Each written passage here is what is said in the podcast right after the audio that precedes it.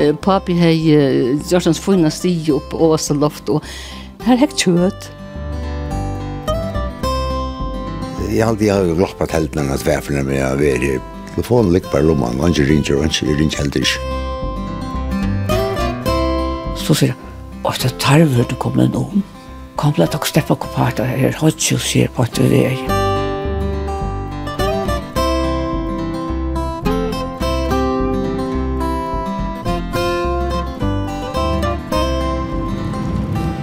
Gåan der, og velkommen til en spiltur no tur. Öll folk hava okkur på hjarta, og til hava tei som vi færa titta i det, så sannelig òsne. Tei hava gåa tui over det saman, og at njóta samverina. Løvligir deir vi felagsansje, verkstøvun, kvöldsetun, utferun, gåun mæte samveru, og heimlion hona ber sagt om uh, tiltaket som vi i det for at vi kan. Og de vi har vært øyne for vilja alltid sleppa. Attor vil skriva av heimasøyene.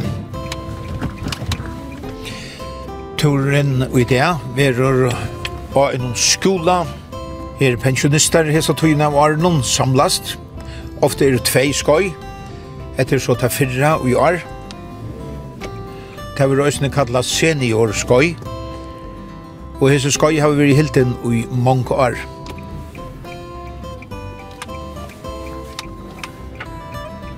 Nå kom jeg nian av Førja Falkaharskola her ute i Hotnabø og i Havn. Tog hette er vi Tori og Tore og pensjonistaskoje og Harskolan.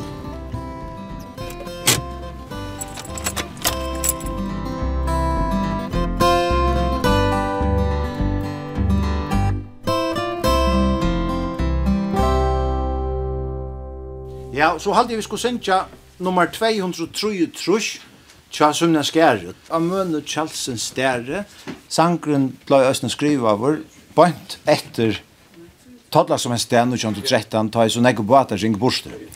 Og skarsbåteren sjåvant. Og alt det arbeidsføra mannfalt i bygdene til først. Sangren er ikke bare sérkjelur, og han enda jo østene jo godt, at han av veteren, da veit man, at så kjem var atter, og lufsgleden, og vøvnen.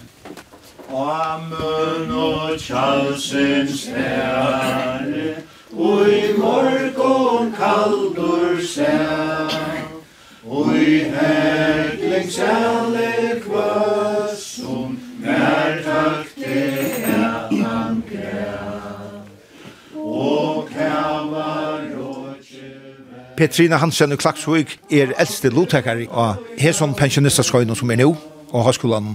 Og Petrina, du er 93 år gammel. Hvor så ofte har du vært i Øysen skøyen? Vi er 20 fyrir arrea.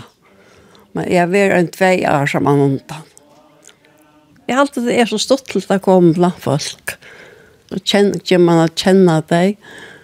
Jo, jo, jeg gleder meg hver affæren når jeg er ferdig, så sier jeg, jeg kommer hjem neste år. Ja Og jeg, nå har vi sagt ordentlig farvel og i tre år, og jeg er her enn. og her er lov holdsene, så råkte vi for at det kom an her.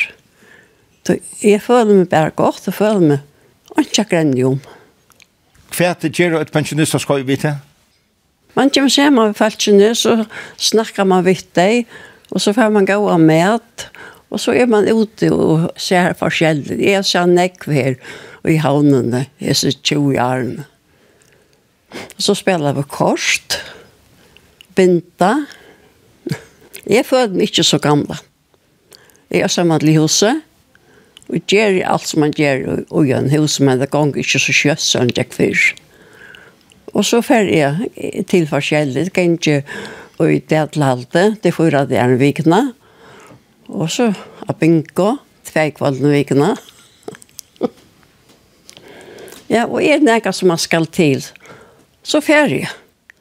Vi setter meg ikke inn, inn av kursa. Du har lagt sin alle? Ja, det er vi.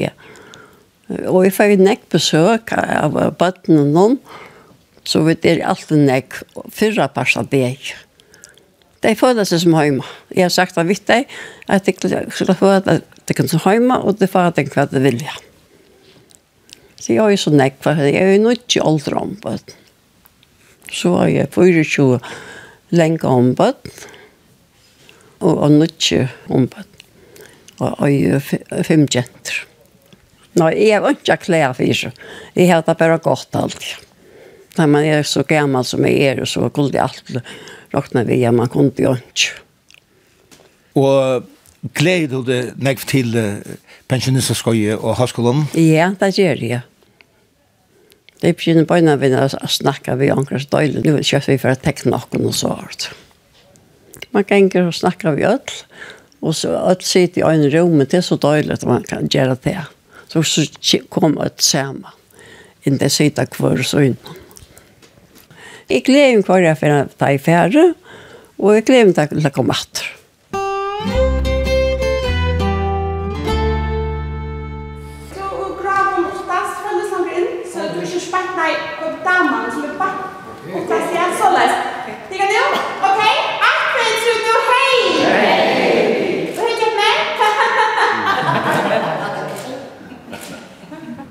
Onkel blonda i var det. Nej, det är så gott ut. Okej, tack för det. Ha det gott. Kör bra. Kör bra. Tack för det. Frank Antoniusen ur Øndafire. Du er til Øynalfjers, 71 år gammel. Hvor ser det å være av pensjonisterskøy og høyskolen? Det er godt. Man får godt å ete. Og til ødene vi er utenfor, så det er slett ikke så galt. Det bor du flere eldre folk øysene ferie, til man hevda godt. Og det er ikke særlig dårst nå. Det er ikke det, jeg slapp jo alltid av å si pensjonister, men det er godt at man har gjort fra, særlig at man ønsker alt. Det er det man har sier. Konan i deg for flere år siden, hun døde i 15. Så Jeg forstår annars tøyden kan jeg vite at du ikke er å ha skola. Ja, nei, jeg ble pensjoneret og ta. Og jeg har bygd en hus i Øndafri, en liten hus, og Og jeg er ikke livet enn. Og jeg vant ikke nærkant vel liv. Jeg fortsetter bare, jeg finner på seg kvart. Ja, til en, en, en løytel sethus, 48 kvadratmeter.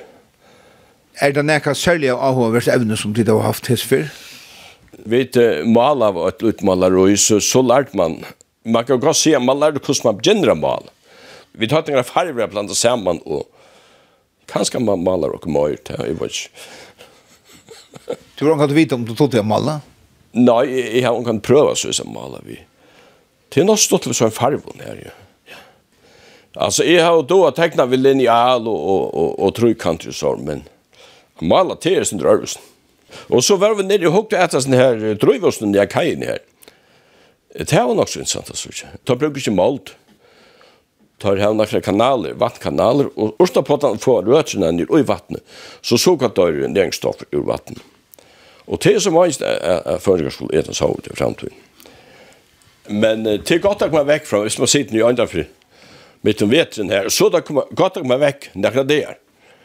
Anker anna grems om at det skulle være godt ved, men det er altså døylt at drink vært, så, så det er godt at være Så hette er nekka to uh, kan smelle øren pensjonisten til? Ja, ja, hvor ikke det? Tenk akkurat samfær her som, som Ja, onka fer til Mallorca, men men her er man så selskap, at det sikkert hevur til Mallorca. Ja. Vi det blir fotograferar där. Så för til hus. Gled og det fer til hus altur. Ja, det er sin strutje jeg gong folk jeg fer opp med godt tjei, så skal man opp. Er vi andre til å sove, jeg pleier å sove cirka. så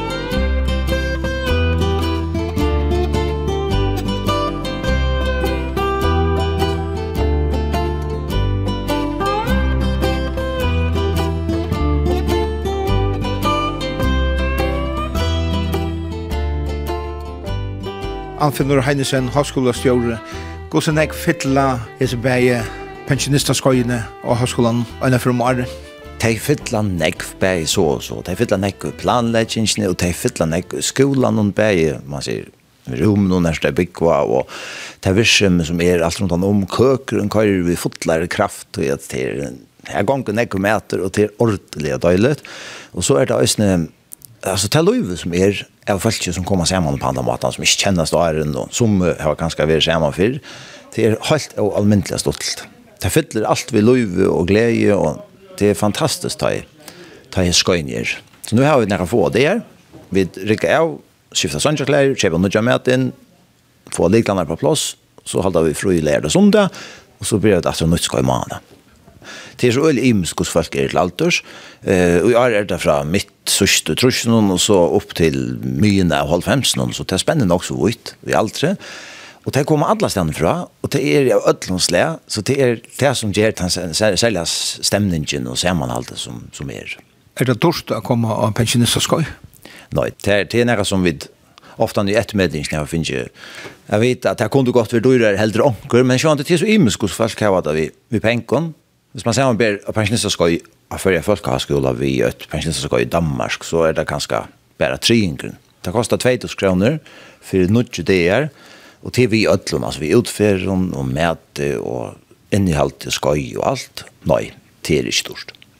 Og så får vi sånn til oss en atbering, per nøs, tog jeg til en sånn særlig kjipende mentamaleranen som gjør at tar vi til å ha nemmer, så oppgjør vi til nemmer til, og så får man en parstvis atbering fra landen og nøysene. Så det er sånn til øyne vi til at halte prøysene nere og til at kjære for flere folk glede for færre penger. Det er godt. Pensjonister skal jo ha vært hilden her i mange år. Hette er øyne noe som er i fremtiden? Absolutt. Hette her er på samme måte som hestskøy for de unge er av flaggskip, så er hette øyne i Ara Tutsjer vært et av flaggskipene i Haskolan. Hette jo også et, et, et, et framhold, ångsvegna. Nekka øyne folkene som kommer her på, hette er også folk som har vært, ja og ha skulle som ung kanskje og være til familjeskøy og forskjellige skapande skøy og sånt. Så det er for helt vust å være en parster av fremtiden i Østen, ja. Ta til letja skrona for eit pensjonister skøy. Hva letja til dent og alt? Vi drøyna bare fjellbrøyt, og vi, altså, akkurat for ødel, og så røyna vi det bare aktuell. Det vil si at de faste starsvarsene som er i skolan, de har perstvis undervisning, typisk i omkring versteg, eller i kveldseten og morgonseten, og så regner vi alltid i øsne at fengt akkurat aktuelt til dømes hvor du vidtja og glæser, til når man snakker snakk om glæser, så kom fyrir en landstyrskvinnan i mentamalen og vidtja om mor dam, så er det også snakk om grindadrap. Vi regner alle tøyne lykkes med at det som man høyrer om i fjellmiddelen, eller som folk tås om, det som er av, det regner vi det fengt, og så får vi en rikk av spennende folk utanfra tonleikarar, sjönleikarar og fyrlestra haltarar, vysenta folk og så til å komme og, og se fra imenskon som er avverst. Og så får vi også ut av vidtja stånar og sånt. Så vi drøyna støyra nok så stramt etter tog som folk har av og fyr. Det er jo det som er enda mål i høyskolan, det er at menna folk Alltså bäi antaliga och handaliga ta alltid att du blir rik av även ha skulle skoj. Vi sitter inte på Facebook, vi det inte skärmvarp. Vi tossar samman, vi synja, vi tjäkast, vi upplever, vi lära, vi ferast och suttja och höra, känna. Det är en avslag av männing som man kanske inte färre en tjänsten och tar det gott där man kan. Jag koncentrera på en hela vecka.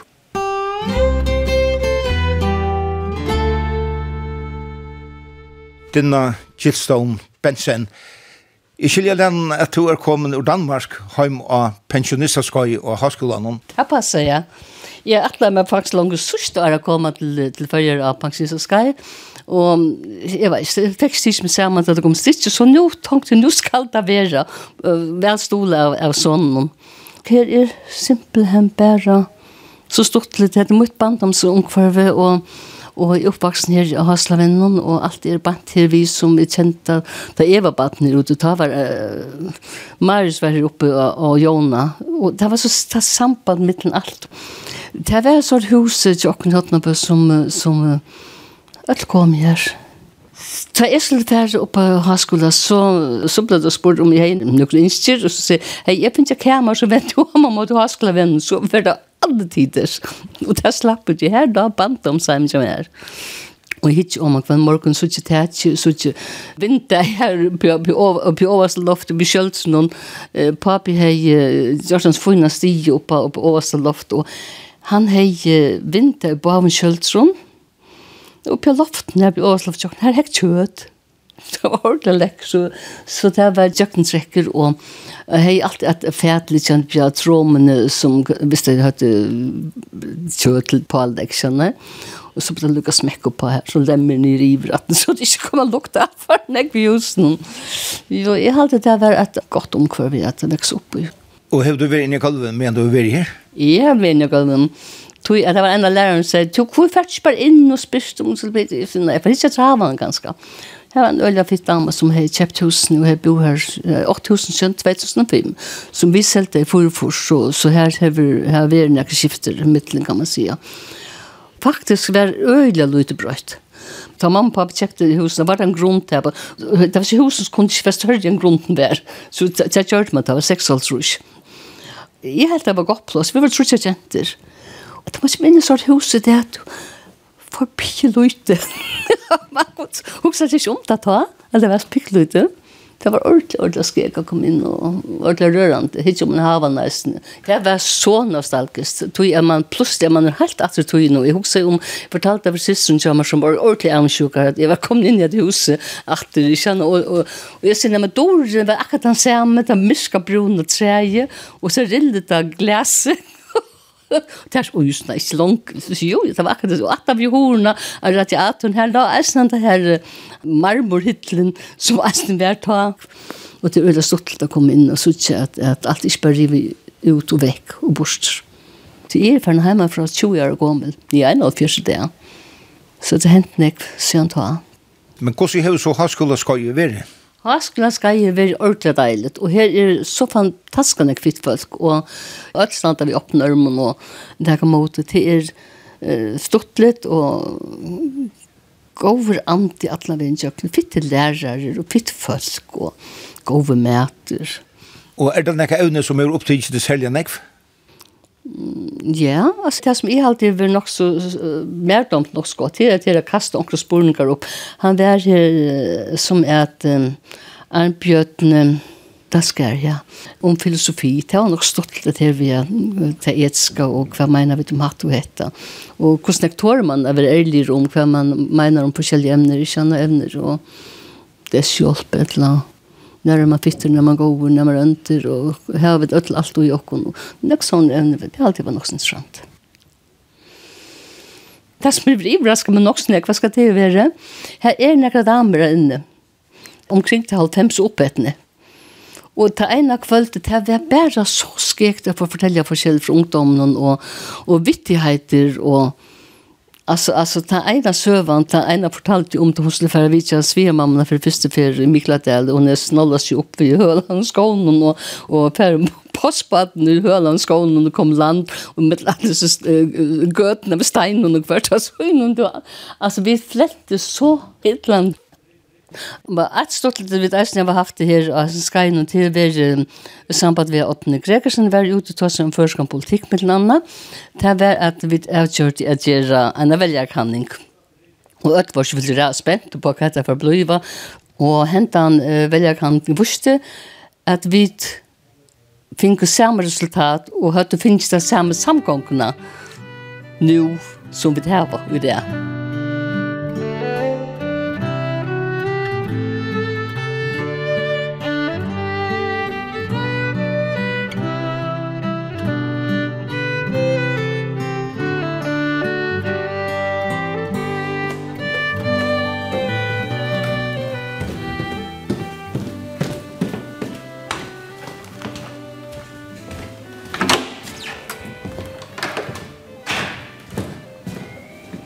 Det luktar så vel. Ja. Og du har gjort to kjørt medtiltarere her, og har skolen noen. Ja. Er det nekka du legger selv at nevnt at det er folk som er så tilkommende som hese? Ja, de får øvelsen med at de får mer fisk og ymmest.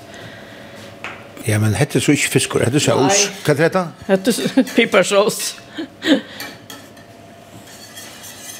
er kjøtt nu i ovnen? Nei, og, og romøbler i kvöld. Og hugsa du om at det skal lukka som styrkja deg medan deg er og, og her skulle han? Bare det har vært godt. Hon har seg. For jeg har ditt haft til døvre, så det er til døms? I. Grøstan fisk, fiskafett, stokta fisk, frikadeller, fiskafrikadeller.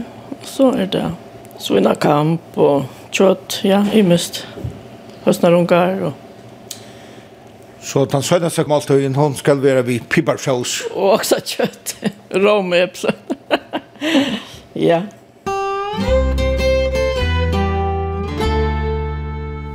Og vi pleier eisen å si at det er at løkt i Jessens eia. Vi skulle ikke smeas sporter og se vi at vi ganger at kanskje efterningar utan etter har vi til skund og ondur at vi tar bøtt om grindadra. Det er, kunne akkurat samme sier, at det er det vi vil gjøre, og det er bare godt for alle parter. Og i det er det nok så, så mye godt at vi kan drepa grind og fri og nav og nøkke lunta, bare sikkert for at det er næst ordentlig. Men som sagt, det ender her er jo til stand til å fortelle om grind og for føringen, Det er ikke vant da. Jeg kvann Hammer av Stronton, Tu erst 41 år gammal og til er fyrst og fyrir tu erst av pensjonistaskøy siden firmar. Hvordan ja. hever dette vært? Hette er vært øyne standard. Helt øyne samtalen. Dette er en superferie midt i njavnene. Nek og hona litt sluttelig folk, og ja, alt godt. Kan vi melast. De evnene som de har haft, er det nekka som gjør opptid til selja nekv? Ja, faktisk alt. Det er jo og fyrlesrar og krandalist, ja, ja, det er veldig sin akvarium, det er alltid godt. Munnar verkoser, ja konan vi fikk vi til oppi halvtid, dette skoj i Jølgav. Ja, hette er en fin, fin makt jeg gjør, jeg gjør så oppi halvtid til eldre i Jølgav dømes. Vi tror hvordan vi gleder for det, så jeg sier Jølgavna. Tror ikke det er det alltid er nok spassende. Du vet køyre av, sier han. Byrja, byrja vakna halv nåtta, og så morgen og så køyre det bare av. Fett er så tjøkken dagen? Det er imest, omkje tog er da rørsla. Ja, så kommer folk og underholdt om på forskjellige, forskjellige omkje har av jazz og spelemenner. Jeg blir imest, fjellbrøtt. Stortlig, løylig folk, og jeg halte de eldre de er, og løylig og stortlig styrer de. Sjalt man har hørt nek nu i øyne og fjers år, så er nek vet å lære, altså. Bare man er åpen og ausmeien, bare har plantet seg bo i. Ja, det er anna lov, altså. Jeg har alltid glott på teltene enn at hverferne med å være her. Telefonen ligger bare lomman, og ikke ringer, og ikke ringer heller ikke. Det er noen dager som tikkner i kalenderen, kan man nesten sige. Ja. Til dømes var Åtne Gregersen en den her og fortalte oss om, om, ja, om politikk. Førken politikk. Og så her ble forespurninger setter om hva at han var vel, og jeg var sann, eller så var det imser vurderinger, men så kunne han si noe konkret. Men det var egentlig avhørt. Og så var uh, Erland Wiberg her, jeg fortalte om, om, om kveldstøyene vi har, selv om hva vi har gjort nå, og av bjarga du som, som stod til affæra i fyrjonsi, kan man sija. Munar vi er ordentlig spennant. Ja. Du, ja, det her er ganske en av de søgnaste som er tidlig i den høymen. Hvordan er det Høsland? Ja, alltid er veltjøvende penger av bjerga du som bjerga skan. Ja, han sjakker hjemme som var i det og fortalte åkne syndrom. Grinda man av fela i og grinda rakster og drap Ja, og hvordan var det? Det var fint. Det ble tidligere sender i hvordan det ble. Skipa bedre i det, og måned til fyrr, det alt ble morgen nye og så gjerne. Og... Det var godt. Han visste hva han sier. Og omkvarusfellesskaper? Nei, jeg kom ikke snakke noe til. Det er alltid det som er skiltet da, var det dempa nye nu. Det var opplyst så vel om hvordan vi gjør det. Og så så vil det mena til på Voltson, jeg finnes en ruska dam, så han er anna hos om nu, jeg vet ikke det. En grinn til varje.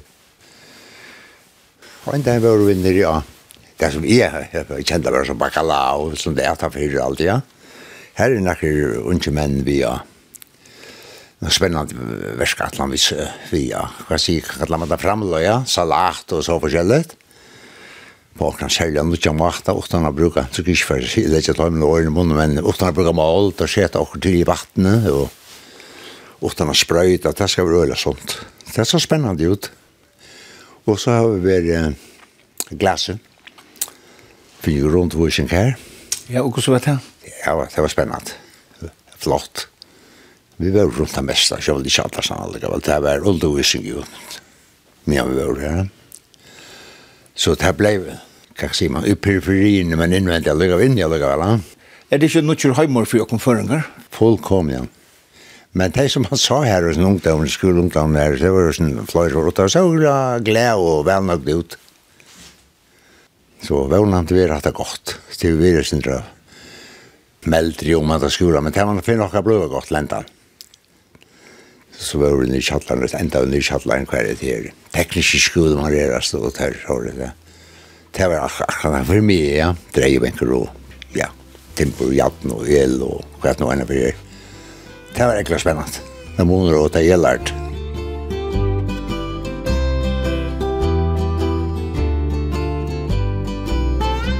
Amalie Hansen og Klaksvik, du er ut i eldre endan her av pensjonisterskøyden, du er 52 år gammel. Yeah. Hva er det man til å være av pensjonistaskøye? Det er så mye godt at jeg, er ikke overført. Og så vil jeg anbefale ødlene før. Hvor? Man sitter ensam til høyma ganske, og vi snakker jo om det. Agnes og jeg til vi kom, ja. Nå er så far jeg tar som at vi, vi kjente ikke jo det. Men ta en tog gang, altså, uh, det første kvalitet, skjønner så er alt sammen smelt. Alt det viser som alt kjennes på en av er. Og da man har man saknat det. Og man er alltid opptist av angst. Jeg har alltid et vidt av å være alle stedene her i havna, så la dere si som vi er enda i landstøren. Men altså, her kjørt jeg ikke. Jeg bør ikke begynne av retter.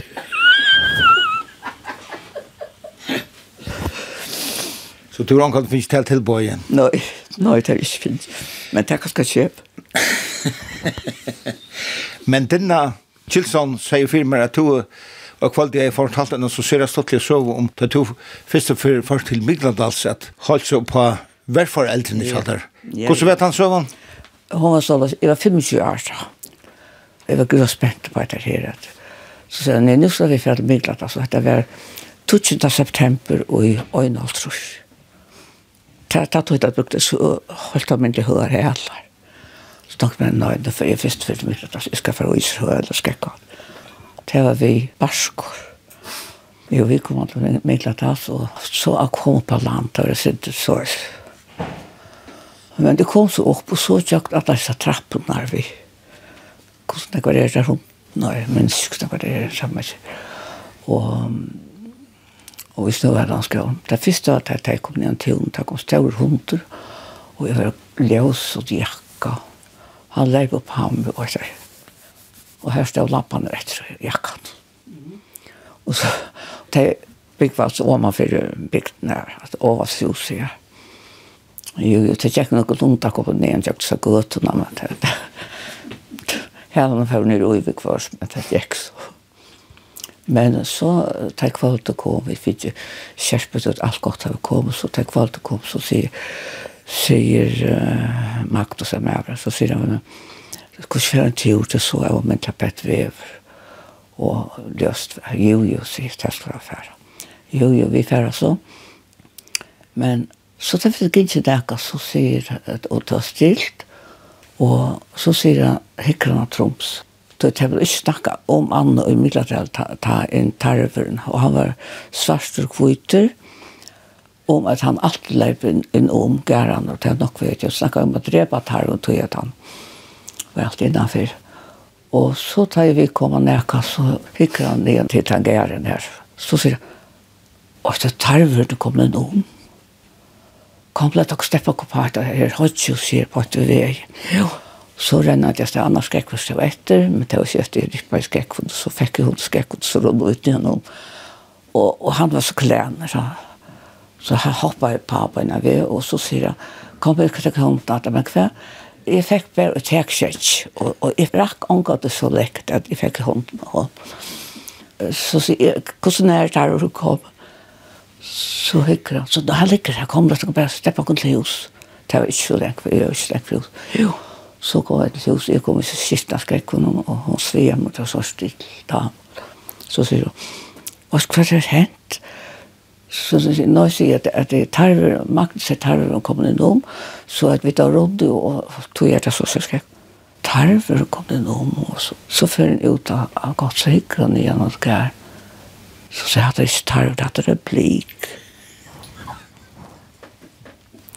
Og så er hun nytter, og det er rundt i spilt med skrekk, og så ble man ikke.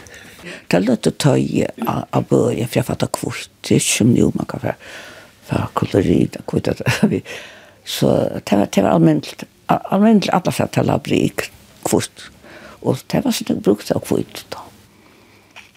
Det var det. Vi tiltet at her, og jeg er ikke rom, så det løyvelen. Ja, så var det. Ja, og tid er bygg tvær saman her, så ikke? Ja. Vi bestittla nummer 2, tar vi ikke. Det er samme vers. Altså Agnes og jeg. Så vidt at jeg vet ikke sammen. At det ikke fløyer inn. Og tar damer også vel av pensjonister skal Agnes Niklasen. Ja. Vi har vært venninner i 72 år. Og vi har en venninne i Danmark som også er på alder med oss. Så vi er tre, vi er alle sammen enker, selvfølgelig. Ja. Sådan er det. Ja. Det er sådan, at da vi kom her på højskolen, så jeg bor ikke så langt fra, og så siger jeg, vi kan bare være her, siger jeg, og så kan vi tage hjem og sove. For det er ikke, vi behøver ikke at, at sove der. Og vi kom her, og vi sov, så skal vi ikke bare blive her i nat, siger vi. Jo, Og vi har sovet her hver eneste nat, når vi har været her. Fordi det er ligesom, jeg ved ikke, bygningen og, og det hele, det er så venligt, og vi føler os virkelig godt. Det gør vi. Det har en sjæl. Hette er ute i ældre parten av højskolen, ja, det, det er det gamle, vi har, ja. Vi plejer at sige, at alle burde tage på højskole. ja, det tager mig også. Ja. Det har blitt i ferie i høyskolen. Ja. Det ble vi altså, ble holdt, holdt, holdt, det gammel.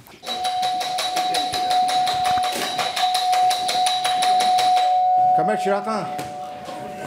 Klokken seks og til eta, så er man skundt meg. Åh, åh, åh.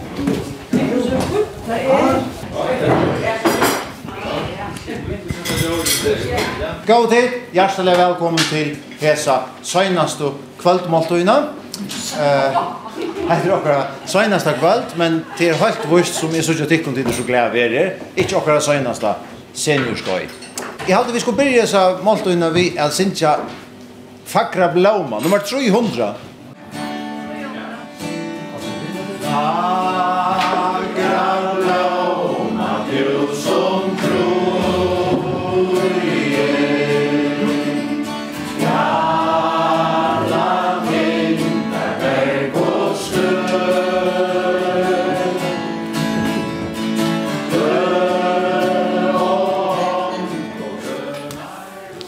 Han tar fingret til orken. Oh, ha. Ja, ja, ja, ja. Ha, ha. Han kjenner ikke. Simon Mikael Poulsen og Klaksvik, vanlig nevnt Dahl, gammal lærare i Klaksvik. Du er 75 år gammal nå. Hva damer der av pensjonistaskøy og høyskolan? Hver damer der stak vel. Det er ikke første fer, og det blir bare bedre og bedre. Det er alltid tar du øyla vel og vel evner, og ser man alltid øyla godt, trivna av mittelen, de som er her, så at um, det er ikke er fint, det er det. Og du uh, fortalte meg en nok så ståttelig søv om uh, en kjent hanskolamann, Johannes av Skærre. Da han var i åttmann for uh, Palmbekten i Kjadar og Vikja jo enn for. Ja, ja. Det var nok så løsner at Pamp Johan tar vi rettelig vel, og Pappa var lærare under klaje. Og så platt han kom omkring sommar det. Og ta, ta måtte man fære om, om skære. Det var ikke slik Osland der. Og så var det sommar det han var kommet her, og pappa sier så vidt han at det var så godt vever at uh, han burde kanskje fære sett en lukta skruppeløyden. Og tar engte sånne hukar, så sette der ut for santen og Ta er, hon er i steg og en løtes til at nekka en tøyma, så, så følger jeg ut etter henne.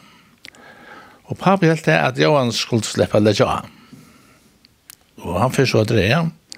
Og det var jo så bra, og pappa la vi ærene så. Men han ser til at Johan, han drev bare alt ned i skoten og løgn i skrupper og alt. Så sier pappa, Johan, skal du måste, du måste ikke av så kvarst tog jag så blev allt han höv flötjande i, i skoten. Jag har sagt att här måste ju just att om man skulle göra det att man kommer land. När pappa att det var inte något gott huskott. Så det så tar man för att jag tror jag andra fortsätt vi att gå upp där. Och jag minns att han tog mig land i att pappa snackade om att han om att det är vi till att det var det öliga märkligt som jag inte skulle skulle vita det. Så det var hans øvan. Ja. Og Johannes var jo lærer her i høyskolen mange år. Han visste noe annet, altså. Johannes var, han, han var kunner innanfor øyden, jeg var øyne innenfor først og, og alt forskjellig. Så, så. Det manglet jeg også. Var du selv og høyskole her? Ja, ja. Jeg var høyskole da i Altrusjen nå. Jeg hadde vært en 16 år og klaret. Marius var, var stjøre. Og vi gikk fem måneder. Og så, til han var en vetren, og jenteskøy var trutja mann halde sommar. Og hva kjever hetta, og så ut pensjonista skoj? Altså, til sjåfett, man kjever kjenner noen folk, og det var så ofte at samanhaldet er øyla godt, og då pratar vi öll og, og tog en gang kjøtt, så det er jo stekona litt, det er det. Så man fer etter til huset, jeg synder jeg førne, ikke du sier at du hever anbyrden att att att, at, at halda, halda til i form. Bæg kanskje likamlig og så oss man sier ju hade så er man ikke lukket så. Svinne borster. Kunnan vi genka tverfren vikna til til venjenka så fire plus och det er til avførst. Det er det.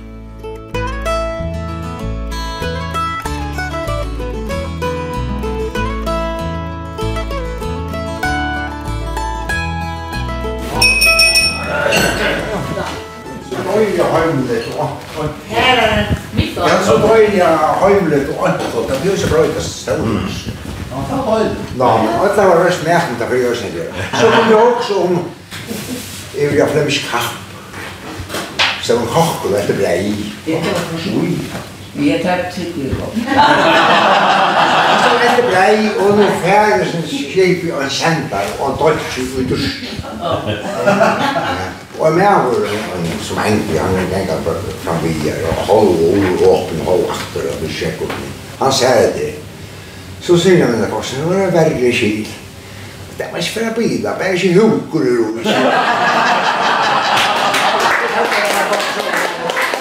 Og takk for det dårlige som vi sa.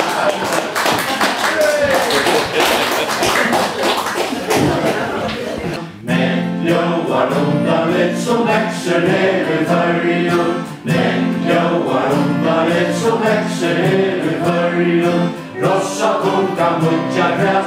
Hosta jannen alvar gräs. Här på blomma lopp och gräs Jag mäckler och jag välja. La la la la la.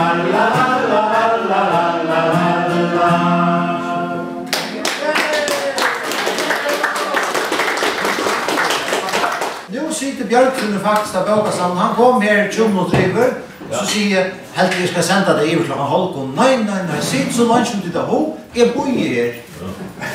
Men uh, jeg også, kanskje kom vi fjerde en teori i Baukasan nu, kaffe kunne vi ikke vi ha noe til, han leser en søv for oss her i Så må vi vente at jeg går på.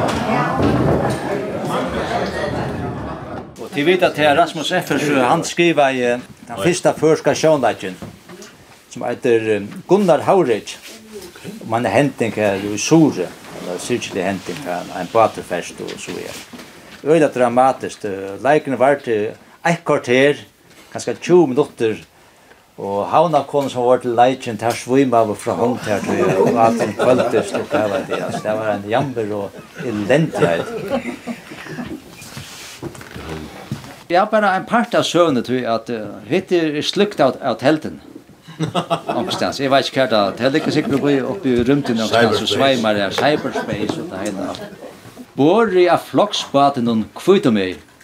De vet han var bratter i andre bor og kvitter vitt bor. Ein kaldan dag i januar ginko vit oman i fjørene at hitja den at stóra steinunum og ligger leysur av bakkanum. Fyr nekvun nekvun og aran sujande var mever hongtur her. Hesen mever stjål av nei, og kortene måtte han henke her vid halsuen til han får inn i deians rydje. Det var en fagra sommar det. Bøveren var all grønur, og sommarfuglar tita og atter og fram, leggven let sitt sirkelige le.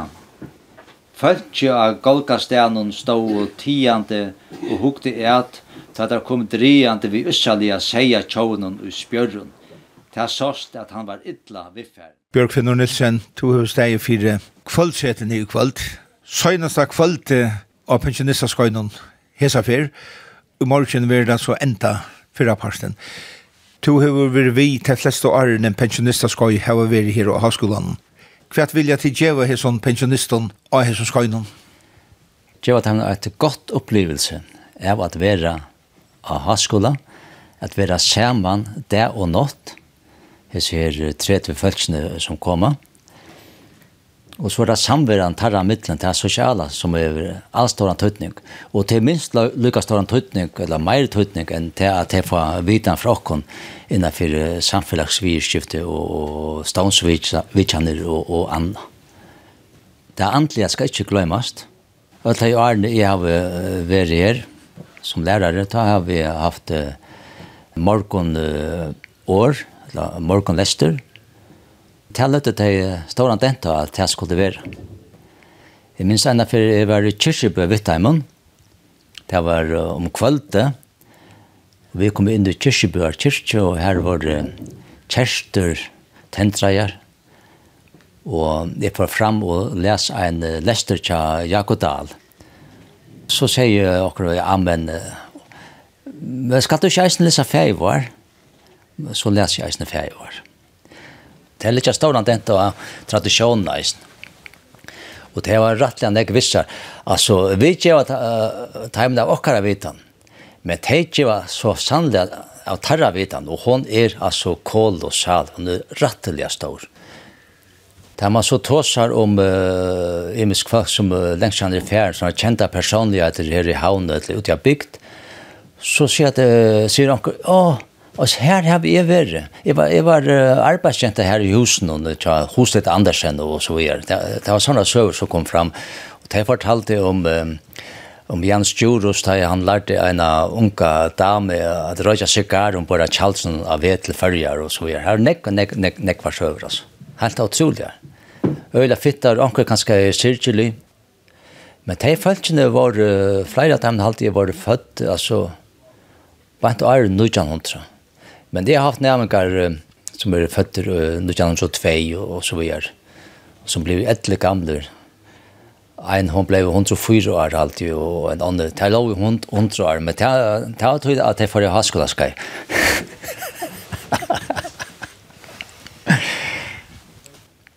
Pensjonistaskaiene byrja i 2 furs, minns meg rett, Og jeg kom ut trøy først da hei i mot første pensjonistaskai, og det var et opplevelse at det er erver. Altså, jeg var jo unge medover, og så ødelig ser uh, gamle følelsene som nå er blevet en parter av. Uh, det var uh, sinte rejant. Jeg visste ikke ordentlig hvordan jeg skulle ta seg vidt det, og så videre. At det er Jack som etter ånd. Det var øyla fitt og frintlig. Jeg fikk en av naturlige store biten fra dem, og det er jeg ser glad for. Tog han verre, jeg skriver i, det er ikke nye det som jeg fikk av vite fra dem, men det er bedre å ha en vanlig en penn enn en godt minne. Det er det som jeg skriver, til jeg skriver, selv om det er vi en halv vanlig en penn. Jeg har bare opplevd uh, en affær, jeg har vært en uh, pensjonister som kom sammen med døttersøyne. Han ville ikke komme inn av halskolen. Han ble via mot i måter. Men Her, her stod uh, tver pensjonister damer her, og tog vel imot henne, og ta lykka som han, han blottna i, og for å føle seg rettelig vel. Og der tog seg så mye vel av henne, at han slapp å sitte midten til på år. Vi den tver radiatorer her, og der, hadde han som, som en elpise. Og der, så, så skulle det fære steg etter. Så er det galt at nå tar vi den ikke fære steg etter. Altså, for en pensjonist å komme og følge folk har skulle skje. Det som er at uh, for et ungdomsskje. Du får lukka som uh, bygd uh, innferne ungdommen oppater. Du bakkar nøkker år atter. Du er ikke minst som fortsatt gammel, forut at det som 500 år gammel, til dømes. Jeg kan nevne et døme om altså, hva det haskolen kan gjøre vi folk. Det var en kona som kom her, i halte hun i tver høytjer, Og hun tjekk så høytjon, og så knapple en dagen, så bleka i hun høytjonar i en krok, at her løy vi orkan ikke vi, vi sin høytjonar. Jeg hadde det så godt her, og i middelen gled folk, så jeg blei ikke høytjonar framar. Og etter tann det er tjekk hun åttan høytjonar. Gosser ser her av skolan. Pensjonistaner har alltid doa vel at underhilde seg sjálvar. Men særlig vel, altså, jeg, jeg tror ikke min egne eie, men det var særlig av konnar, høyt stille opp, og derfor så at det spiller brå, brå brille. Så klokkan ringer 11, så får det tordnande etter og fram, og så videre. Det var virkelig stått litt. Og en haskole utan sang, han er ikke haskole. Det skal synkjast, og det skal synkjast nekv. Det er vel og det ikke. Og gjør og vant om te gjerra med, så ratt og slakk kan kallas det vi ja. Tøyskar klumpar og franska sås, og mengt og kvært er saman verja. Men det var lukka at disse tyske klumpene kom så hentet vi til. Hva var det føringar utan ebler, eller ebler som det sier jeg tror det.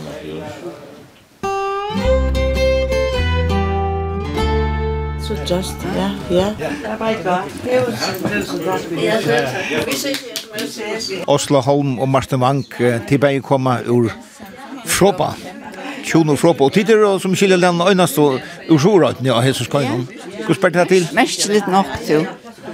Ja, jeg vet ikke. Altså, jeg har alltid, jeg har alltid hørt at det er å ta seg sammen, at det er over høyskolen, men jeg har selv unngått vi har høyskolen. Om det kan skal komme neste hold, det kan være. Og hvordan gjør det være? Det var så fantastisk og godt. Et ordentlig opplevelse. I alle måter. Vi tar finnes alt møveligt, bare for sjal og likam, som man sier. Så hetta vil ikke sørste fyrir tid koma av pensjonist og skoj? Nei, det er råkner ikke vi. Om du holdt sammen med Vi snakker om, snakkes om her til å møtes 18 neste år. Så jeg vet ikke. Har du deltatt det? Så salgkona, ja. Marsten, hva sier du til tomt av pensjonens og skojnen? Alle veier, og jeg har ikke prøvd det før. Jeg kan bare telle dem så, at jeg kom så, at her er det ikke godt. Ja, og som sagt, ja, det er bare klaksesingar og østringar og saksel, det er ønskjens holingur. Ja, det må jeg for fortelle dem det. Anbefaler dem. Ja. Så næste fyrt til kommer, tror jeg, har det nekker soringar og sett sammen med vi digger. Forhåpentlig, ja, ja. Tids du til hever godt, og måst ønskjens soringar er vi har sett. Hva er det vi selger godt vi som helt då? Det er som en stor familie da, heller. Man prater vi ødel og, og Atmosfæren er god, og nok var utfører og sår, ja. Det er godt, og vi slett ikke hvordan jeg fyrir, så det er noe for. Og vi meldte ikke bare til. Du vet, det er tvei skai, det er en kong ikke, nei. Du har ikke vært i hanskola som unger? Nei, det har vi ikke. Jeg har bare gint i vatnaskola, og så har vi vært av tekniska skola, og så når jeg tog, da jeg ble timper med og det er det som jeg har vært i skola. Man har kommet å kjenne når jeg ikke har følt seg, Och som som vi ser vi kan här nu. När man kommer hem så får man hitta på Facebook vid med sen kan någon åter här. Ja, så kan man kanske utbyta här det. Ja. Här är mest damer, men några några män är det, ja. Det var inte etter, så heter Lukas som vi är man för kapor och och damlar så. Det Lucas måste ha mer prata om så det var det. Vi tar kom forskjellige steder, kan man ikke fer annars. Vi tar vi rundt omkring alle steder, lærere har vært her og, og ånder som har var sagt fra. Og... Så du finner ikke kollega som du ikke inte hejer Arren? Ja, ja. Og oppfriskende. Og vi tar eisen vi ut i glaser. Hvordan var det? Ja, det var en sort Speciellt upplevelse. Man ser til showmark nu, men det er en annen färg ute her, og så gäng jeg själv. Farvel, og takk for er Ja. Og takk tack lika mata, ja. Takk for er. Det er stort det er en spesielt opplevelse. Man møter alle så folk nå. Alle er så positiv og, og så er det man tror ikke man själv blir gammel, men så kommer man ser man visst ner tror jag fem år. Det Det er ikke gommel.